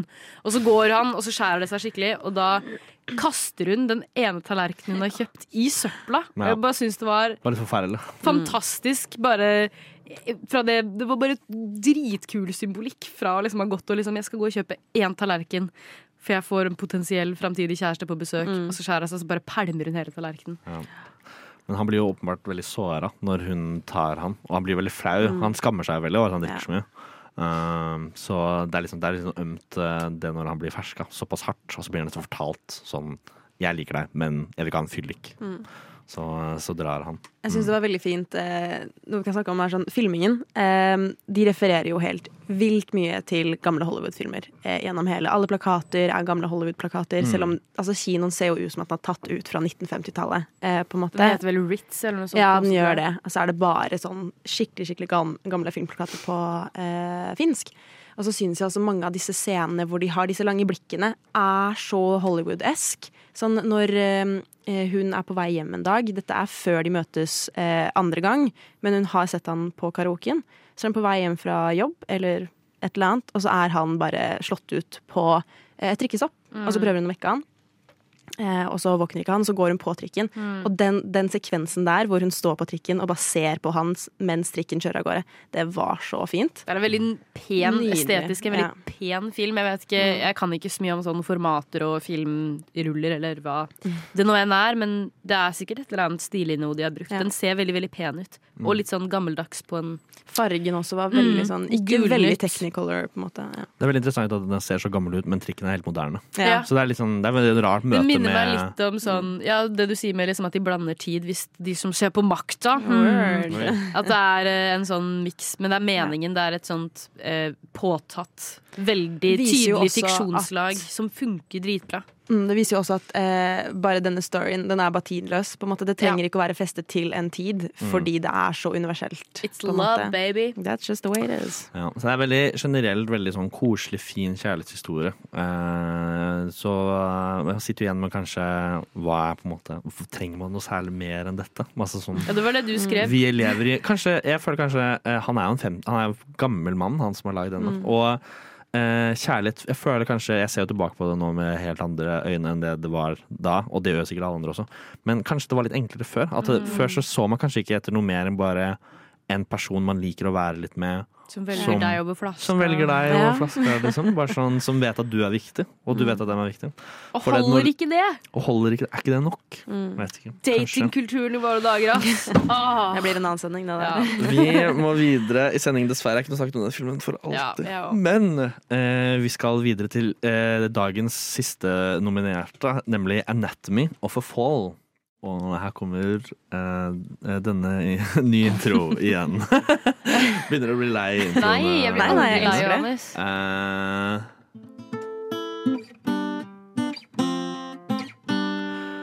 Nova Noir.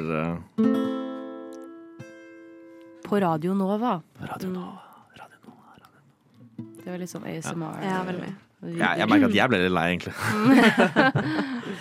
Eh, eh, 'Anatomy of a Fall', filmen, siste film i dag, og kanskje uh, den mest imponerende, i- etter min mening. Wow. Vær stille, jeg skal introdusere filmen. Eh, det er en fransk film, og egentlig så heter den noe annet. Eller den heter det samme, bare på fransk. Anatomy d'un chute. Ja, det er riktig. Eh, og det er uh, Justine Trier som har uh, uh regissert uh, denne filmen. Som er en kvinnelig regissør. Det er mye kvinnelige regissører uh, i år, som er uh, kult. Spørsmålstegn. Mest sannsynlig. Eh, eh, Sandra Huller spiller Sandra Huller spiller eh, hovedrollen. Eh, denne forfatteren som vi skal Jeg kan introdusere karakteren litt senere. Og så eh, har vi en som heter Milo Machado Kraner Jeg vet faen jeg, hva skal man kalle det. Som spiller da sønnen. Og det er jo disse to det handler mest om. Denne sønnen, denne eh, dama. Eh, og eh, eh, den starter på en måte med et intervju hvor eh, hun spiller jo en forfatter, en ganske kjent forfatter, eh, som har skrevet veldig mye bøker. Og hun blir intervjuet av en student. Eh, og det er liksom vår første introduksjon til karakteren. Og så plutselig så hører vi en veldig høy musikk, for de spiller de jeg har intervjuet hjemme i leiligheten, eller huset, heter det. Eh, jeg bor i Oslo.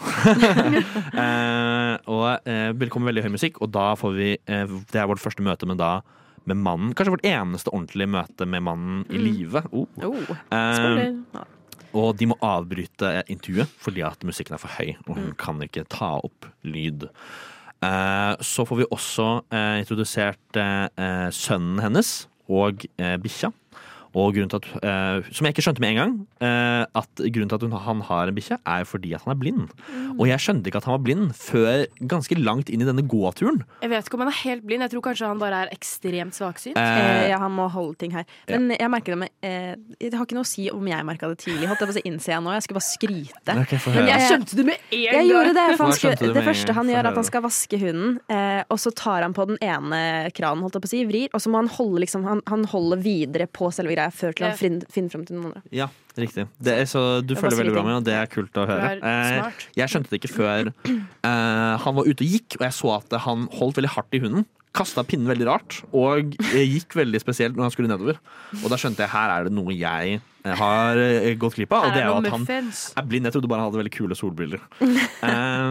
Men han er blind pga. en ulykke, og denne ulykken er forårsaket at han ble påkjørt uh, når han var mindre.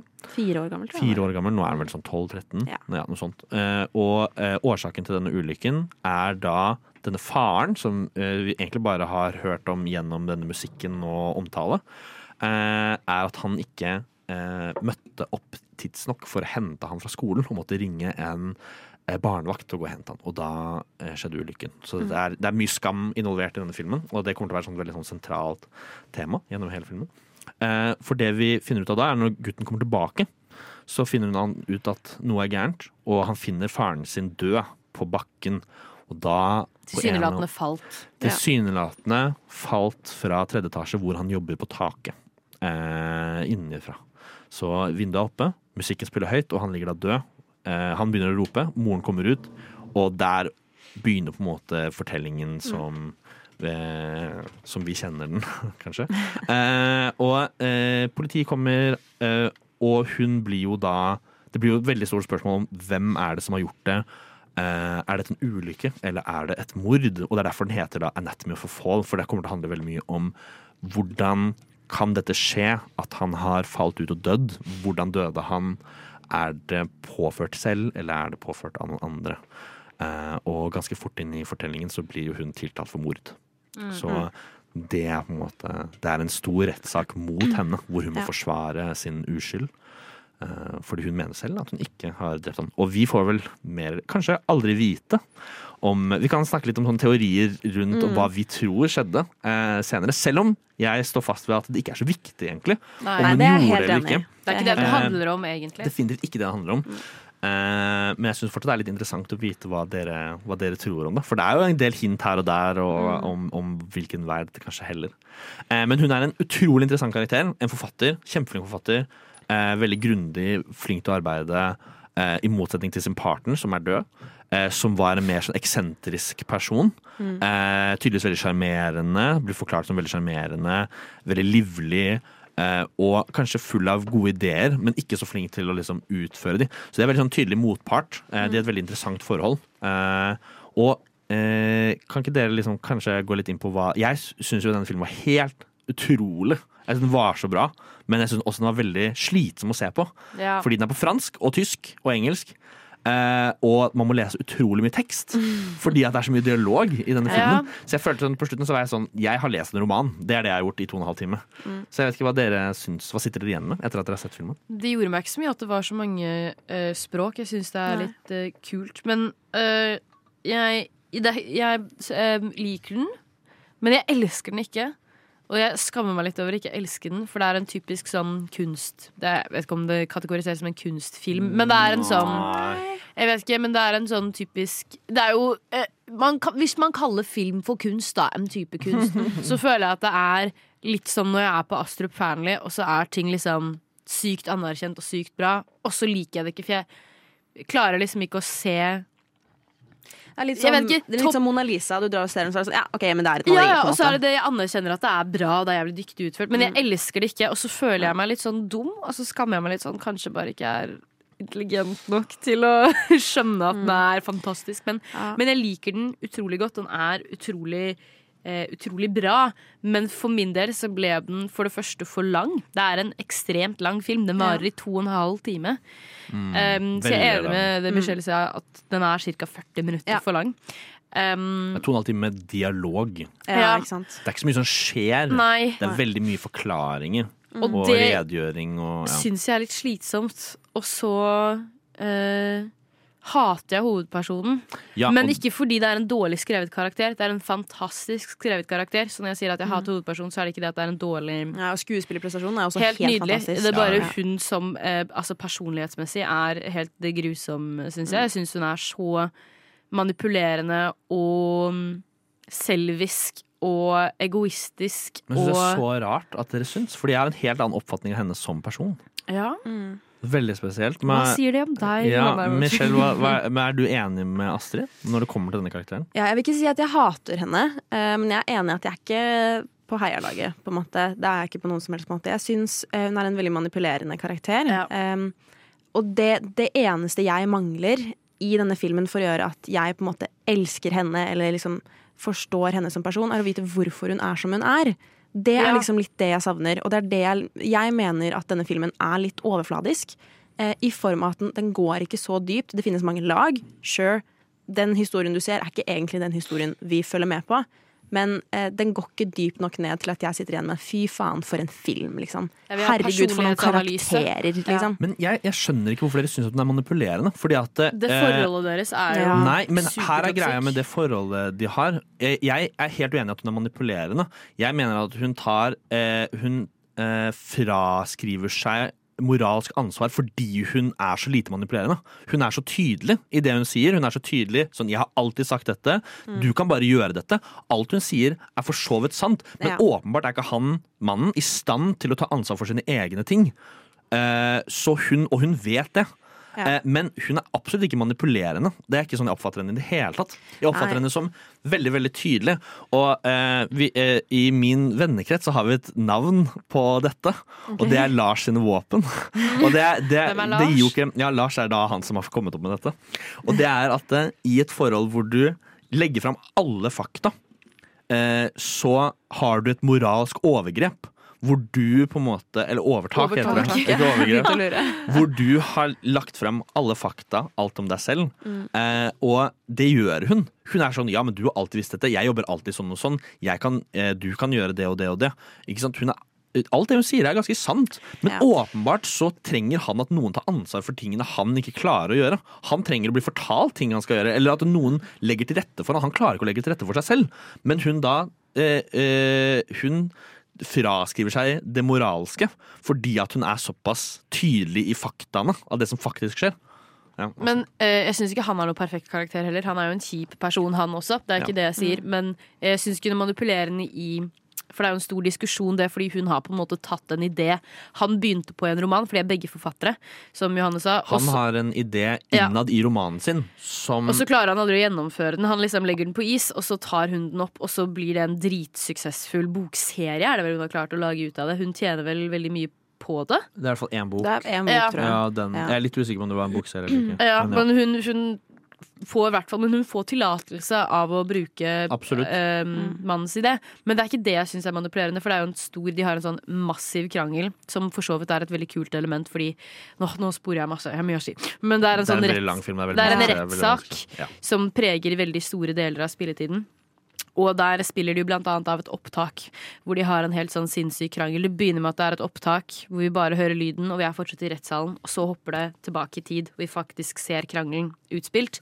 Og så hopper det tilbake igjen til eh, rettssaken. Akkurat når eh, krangelen eskalerer til å bli voldelig. Og det syns jeg var et utrolig kult grep, istedenfor at vi får se eh, slagene, for det blir jo kastet glass, og det er eh, slåing her. Vi, Så bytter de tilbake hjem til Ja. nå får vi kun høre lyden, og det syns jeg var kanskje mye eklere. Sånne ting syns jeg er utrolig ubehagelig å se på. Det syns jeg var eklere enn å Jeg vet ikke hvem som hadde hånd om Nei, først. men eh, jeg må- kjapt, kjapt om akkurat det. Ja. Det er veldig interessant at eh, vi får ikke se hvem som slår hvem. Og det er Nei. veldig viktig, for det skal vi ikke heller. Vi må, vi må, sånn som de andre i rettssaken, ikke være klar over hva som faktisk skjer. Vi må stole eller ikke stole på hva hun sier om Ja. saken, for hun forklarer hva som skjer. Det er et kjempebra grep. Det var et Det var utrolig kult grep, men, men poenget mitt med avsporingen var bare det at jeg syns ikke nødvendigvis hun er eh, manipulerende der hun argumenterer for at Fordi han tar opp det som egentlig er en gammel ting de har diskutert ferdig for lenge siden. Du stjeler ideene mine, du stjeler ideene mine. Ja. Og hun er sånn Nei, jeg fikk tillatelse til å bruke den ideen, liksom. Du kan Han kaller seg ikke plyndra. Ja. Jeg er en plyndret um, Plyndret cheated on mann, ja. man, liksom. Ja. Men akkurat det med utroskapet, det syns jeg hun er manipulerende på. For da er hun bare sånn jeg ligger med andre, hva skal du gjøre med det? Du har jo ikke knulla meg på en stund, liksom. Du har bare så dårlig selvtillit etter at du fucket opp uh, ulykken med sønnen din, og Ah, jeg Jo. synes det er litt eh, drøyt å gå at at Det er jo ikke akkurat det hun sier. Men hun trekker jo fram det Ja. at du eh, Jeg anerkjenner at du har det så vondt, men du vil ikke jobbe med meg på dette. Du er en forferdelig far, du er en forferdelig kjæreste. Så da har jeg Dette med å fraskrive seg moralsk ansvar, da. Hun fraskriver seg det moralske ansvaret. Ikke fordi hun er tydelig, hun bare er sånn jeg setter meg selv først, og jeg må tilfredsstille mine intimitets- og nærhets- og seksuelle behov. Så da er det greit at jeg gjør dette. Nei, jeg tror ikke hun sier at det er greit. Jeg tror bare hun sier Men at det er det hun på en måte mener. Det er det det er det som kommer frem Det er det i er en, I en hysterisk krangel så er det det Men som kommer det er det jeg oppfatter hun Ja. mener. Hun, hun er veldig tydelig på det i rettssaken også. At sånn Det var noe jeg måtte gjøre for meg selv, så da er det greit fordi jeg trengte det, på en måte. Mm. Der syns jeg hun er manipulerende. Ja, Ja. men jeg, jeg veit ikke. Jeg, jeg er uenig i at hun er manipulerende. Hun er forklarer hvorfor hun gjorde de tingene. Og det er jo noe hun har tatt opp med mannen sin tidligere. Og det er noen sånne ting som egentlig vi ikke har noe med. Men jeg har sett uh, filmen, Johannes. Ja, jeg vet det, men eh, det jeg mener er at uh, den rettssaken er ganske interessant, for den tar veldig mange interessante temaer om lov og rett. Ja. Og at loven behandler alle likt. Og så tar det også opp et veldig interessant argument uh, rundt eh, litteratur. Og hvordan han, eh, han, han som ikke er forsvarer, han som eh, altså prosecutoren, på en måte, han tar opp eh, fiksjon som bevis i, eh, i en rettssak som er fullstendig eh, usaklig. Apropos karakterer jeg hater. Han Ja, for, eh, utrolig god i jobben sin, sikkert. Men det å ta opp litterære eh, ting som hun har skrevet for å tjene penger, blir helt irrelevant for en, en, en rettssak. Og argumentasjonen han bruker, er at hun skriver fra sin egen eh, sin egen virkelighet. At det kommer fra virkelighet. Men det er ganske interessant liksom sånn, hvordan man bruker da litteratur for å drive en lovlig rettssak. Og det, er jo, det går jo ikke egentlig an, Det har jo jeg. Skjedd i USA med rapplåter. ja, ja, ja. At, eh, Og i Norge var det ikke det der drapet uh, mellom noen rappere for en stund siden. Eller Ja, det var noe skuddutveksling, og så ble det tapt opp dette med sangtekster fordi han Mm. var gangster. Ja, uansett. Jeg følte ikke du fikk sagt så mye. Nei, eh, jeg tror ikke vi har tid til det, heller, for å være helt ærlig. Uh, ja, det er veldig mye som skjer i den filmen. Den er veldig lang, og det er helt umulig å gå gjennom Den handler alt om sammen. Jeg har skrevet noe jeg syns var flott. Filmen handler om skyld og uskyld, og kanskje skylden selv de uskyldige alltid må leve med. Takk. Oi, wow. Og jeg vil gjerne tilføye at eh, loven behandler alle likt. Men burde den egentlig det? Og franske dommere ser ut som julenisser. Eh, franske dommere som ja, hva i alle dager er det de har på seg? Stygge Ja.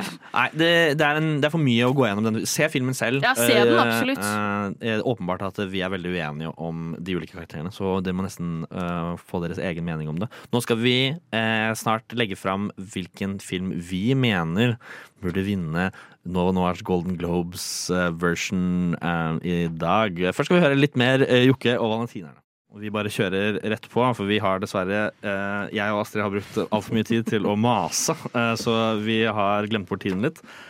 Vi skal legge fram hvilken film vi mener burde vinne Golden Globes Nova Noir-versjon. Nå har det allerede kommet fram at det er en vinner av Ja. den original, altså den ordentlige Golden Globesen, selv, selv om vi ikke bryr oss mye om den. Nei, den driter vi. Eh, Michelle, hvilken film er det du føler burde vinne Golden Globes? Jeg eh, merker faktisk at i løpet av denne sendingen så er jeg litt delt. For å være helt ærlig. Um, og jeg merker egentlig at jeg kanskje liker Anatomy of Fall litt bedre enn det jeg eh, først eh, antok at jeg gjorde. Jeg syns fortsatt den er for lang, og alt jeg har sagt, står jeg for. Men den er kanskje litt bedre enn enn det. Men jeg syns at jeg, jeg tror jeg kommer til å stå på det jeg egentlig mener, og det er Past Lives. Past jeg syns den er veldig fin. Jeg syns den er perfekt lengde. Jeg husker ikke et eneste dårlig moment av filmen, og det gjør jeg med flere av de andre. Um, og bare det at den er så universal, så fin, og i hvert fall dette forholdet eh, Sånn Greta Lees eh, var på eh, Hollywood Reporters in Roundtable, som de gjerne har, med actors and actors og etc. Eh, og hun snakket om at liksom eh, med moren sin at hun mente at denne filmen handlet om seg selv, sa Greta da. Og sa moren til Greta sånn Nei, nei, den handler ikke om deg, den handler om meg. Og det er så mange eh, koreanske kvinner som har liksom kommet frem og vært sånn Ja, moren min blir helt fra seg av å se denne filmen her. For det er liksom Det er en så dyp historie, og den er så fin, og den er så Ja, jeg vet ikke. Jeg syns den burde vinne. Mm. Noen relaterer sikkert veldig sterkt til den, på en måte jeg aldri kommer til å Jeg er verken kvinne eller koreansk, så det blir litt vanskelig. Double whammy. Ja. Astrid? Oi, jeg er også delt. Jeg har på en side har jeg delt mellom mange ting. På en side har jeg veldig lyst til å være eh, min subjektive mening, og jeg har veldig lyst til å si høstgule blader. Eller Fallen Leaves. Men hvis du går fra et sånt filmteknisk, som sikkert er det man legger vekt på um, i Golden Globes, så burde kanskje Anatomy of a Fall vinne. Men for å være litt jævlig, eh, så sier jeg høstgule blader. Oi, interessant. Og Det må stå for meg, Ja. sånn som den jævlige personen i Fall Nei, et of for Fall gjør i Utroskap. Unnskyld, jeg skal legge det bak meg. Eh, jeg skal som den fantastiske personen i Anatomy for Fall. Eller, eh, nei da. Eh, jeg likte kanskje Høstgule Blader best. Eh, det var kanskje favorittfilmen min av de jeg så. Eh, kanskje den kommer til å se flest ganger igjen senere. Men jeg tror kanskje Anatomy for Fall Det er en grunn til at den vant ja. Golden Globes generelt. Det er en helt fantastisk film. Manus er helt vilt bra. Eh, og den har en veldig sånn kul, tydelig eh, Kanskje noen som syns at sånne rettssakfilmer er veldig spennende, eh, kommer til å elske den bare av det. Eh, men for meg så var det definitivt liksom sånn det mer underliggende temaene som eh, eh, var spennende. Og jeg syns skuespillerne bare var helt vilt bra. Ja, de var helt fantastiske. vilt bra. Ja. Han siste kiden, det nevnte vi kanskje ikke, men han burde jo vunnet. Det var det du sa. Han, burde, Ja, at han, ikke burde, han er ikke nominert. Eh, vet ikke om det er noen aldersgrense på hva ja. kan, hvem som kan nomineres eller ikke. Men det var en helt helt fantastisk rolle. fantastisk Ja, og hun også. Hun Messi. Det er det han heter i virkeligheten. Messi. Messi heter han. Og den bikkja også. Helt ærlig. Den bikkja- Best, beste birolle. Snoop. Snoop. Det var det jeg skrev på Fantastisk, Liksom eh, eh, Lik som Ashley Jenny i Banshees of. Kjempebra. Eh, vi skal eh, ha en, en hetet samtale mens dere hører på en sang. Så skal vi eh, finne ut hvilken eh, Hvilken film som skal vinne Nova Noirs Golden Globes 2024 edition this year. Og vi har kommet fram til en enighet, eller har vi egentlig det? Jeg tror ikke vi har det. Vi Nei. snakket om det, og så skjedde det ingenting. Ja, jeg tror, men alle har jo sagt en film hver nå. Ja. Du sa jo Past Lives. Jeg sa Høstgule blader. Eller Fallen Leaves, da, for å være fin på det. Og du sa Wow. Men Mm, Men jeg tenker sånn eh, Golden, altså Golden Globes er jo ikke De er jo på en måte De er jo subjektive, de også. Det er, Ja, det er ja, bestikkelse man og stemmer sånn. jo. Så hvorfor skal vi være så jævla objektive? Word. Skal være helt ærlig. Men jeg føler også at siden alle, alle her nevnte jo Anatomy of a Fall når vi begrunnet vår favorittfilm, det sier jo kanskje noe om eh, kvaliteten på den. Jeg vet ikke. Ja, det er Kan jeg, kan jeg komme med Høyt et, nivå. et forslag? Absolutely. Siden vi er så delte, kanskje vi skal være litt vågale. Jeg liker hva du Beste kvinnelige skuespiller, Oh, beste manus og beste film. Utenlandsk film. Oi! Hvis vi velger en av hver på en av de, så okay. har alle fått en pris hver. Det går bra. Da velger Anatomy for få da, som beste film. Jeg kan være med på den. Jeg Eller Lives beste film, og så kan vi ta Anatomy for få beste manus. Jeg vil heller ha Ja. jeg velger fortsatt Høstgule blader Da kan ikke velge, vi må komme til en igjen Mm. Åh, OK. Greit. Past Lives beste film. Jeg kan gå med på det. Så skulle Nei, og så um, Hva er det jeg sier for noe? Anatomy for Fall, beste uh, manus. Og beste kvinnelige skuespiller. ja, for jeg syns oh, ja. eh, rollen hennes var bedre enn eh, Kanskje beste manus på Past Lives, faktisk. Jeg er med på den. Jeg Mm, syns okay. heller det. Beste manus på Past Lives, beste film Oi, bare... dette ble vanskelig. Beste film, Fallen Leaves. Ja! Eh, beste kvinnelige hovedrolle eh, Jo, beste kvinnelige hovedrolle, Anatomy for Fall. Mm. Med Muller. Og så Society of Snow. Hva kan de vinne? Og jeg er så søt og sånn, men de driter vi i, de har vi ikke nevnt. Nå har vi tre filmer. Best, de tre beste får film fra Uruguay. Eh, en ting om den der uh, Society of Snow. Den var utrolig slitsom for øynene. Det var enten veldig lyst eller veldig mørkt. Ja, vil bare mm, ja. kjapt si det. Men det er en bra film, men jeg bare det, Jeg tror hvis du ser alle disse fire filmene vi har snakket om, og tenker at Society of the Snow skal være eh, i lik sjanger som de andre, så Ja. tror jeg du blir litt skuffet, fordi de andre er mye mer sånn eh, Kanskje nisje, kunstneriske preg. Society for Snow er ikke überkommers, men er definitivt en Netflix-film lagd for et mye større publikum. Ja, jeg syns det er kult at den er på Netflix. Ja. Uh, spansk film på Netflix. Det Mye bra fett. spanske filmer på Netflix. Den blir pusha veldig hardt, og det syns jeg er litt kult. For det er en veldig, det er en veldig interessant film med en ganske interessant regissør som bryr seg veldig om å fortelle en, en veldig interessant historie. Og, Mm. På en ordentlig måte. Så jeg synes det er litt bra, er litt bra Netflix å liksom pushe litt sånn ordentlige ting, og ikke bare Uh, The Grey Man eller uh, Extraction eh, sju- og Extraction 2 og Extraction sikkert 3. Men eh, vi kommer kanskje fram til at eh, eh, eh, Hva skal man kalle det? Eh, awardshows er ganske dust. Ja, og det å velge én film som er bedre enn de andre, kanskje blir litt umulig. Vi har ikke klart å komme til enighet Nei. i det hele tatt. Ingen av oss er enige. mennesker. Ja, og vi er bare tre. Sånn Hvordan skal man gjøre med 8000? beste filmkategori er en jævlig døll kategori, men sånn Jeg er helt enig i at det går an å gi anerkjennelse for et godt skrevet manus eller um, skuespillerprestasjoner. For det er litt sånn du kan se på fra et veldig teknisk ståsted. Ja. Men alt er jo subjektiv vurdering. Du kan jo elske Gud, så mange dårlige filmer jeg elsker, på en måte. Ja. Og, men jeg tror ingen syns det her er mer spennende enn de som er nominert og vinner. Jeg tror det er, hvis det Nei, er det er for sant. noen, så er det jo for en måte Hollywood. That's true. Ja. Så det er det som er litt interessant med den kategorien, som er litt sånn, sånn beste ikke-engelskspråklig film. Og kommer vi vel frem til at det faktisk var. Nei.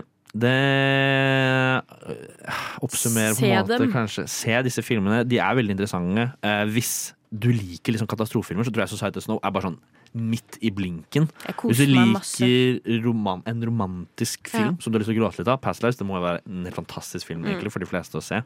Fallen Leaves, kanskje litt mer sånn alternativ, men også veldig koselig. Romantisk komedie. Jeg ble veldig Ja, glad av å se den. Mm. Jeg ble skikkelig glad av å se den. Ja, jeg smilte mye. Jeg det var veldig, veldig samme. hyggelig. Og Anatomy for Fall Jeg har aldri vært så sliten i huet etter å ha sett en film. Men På en eh, på kanskje en bra måte. Litt som Ja. måten man er sånn ferdig å lese en bok, så er man sånn wow, bra jobba. Jeg er Ja. flink. Jeg er flink. Som sa denne filmen. Ja, takk for at dere var eh, med oss i dag. Er det noe dere har lyst til å si før vi reiser vår vei? Og aldri kommer tilbake?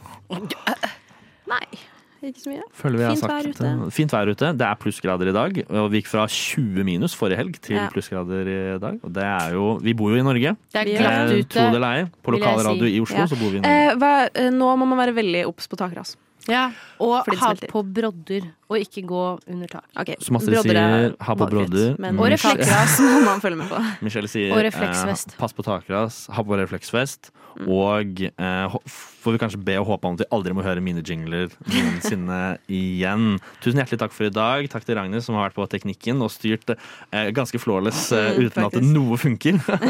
og takk til Jokke Valentinerne, som eh, 20 år etter din død, Jokke, så leverer du fortsatt musikk på studentradio i Oslo. Tusen takk for oss. Ha det bra. Ha det!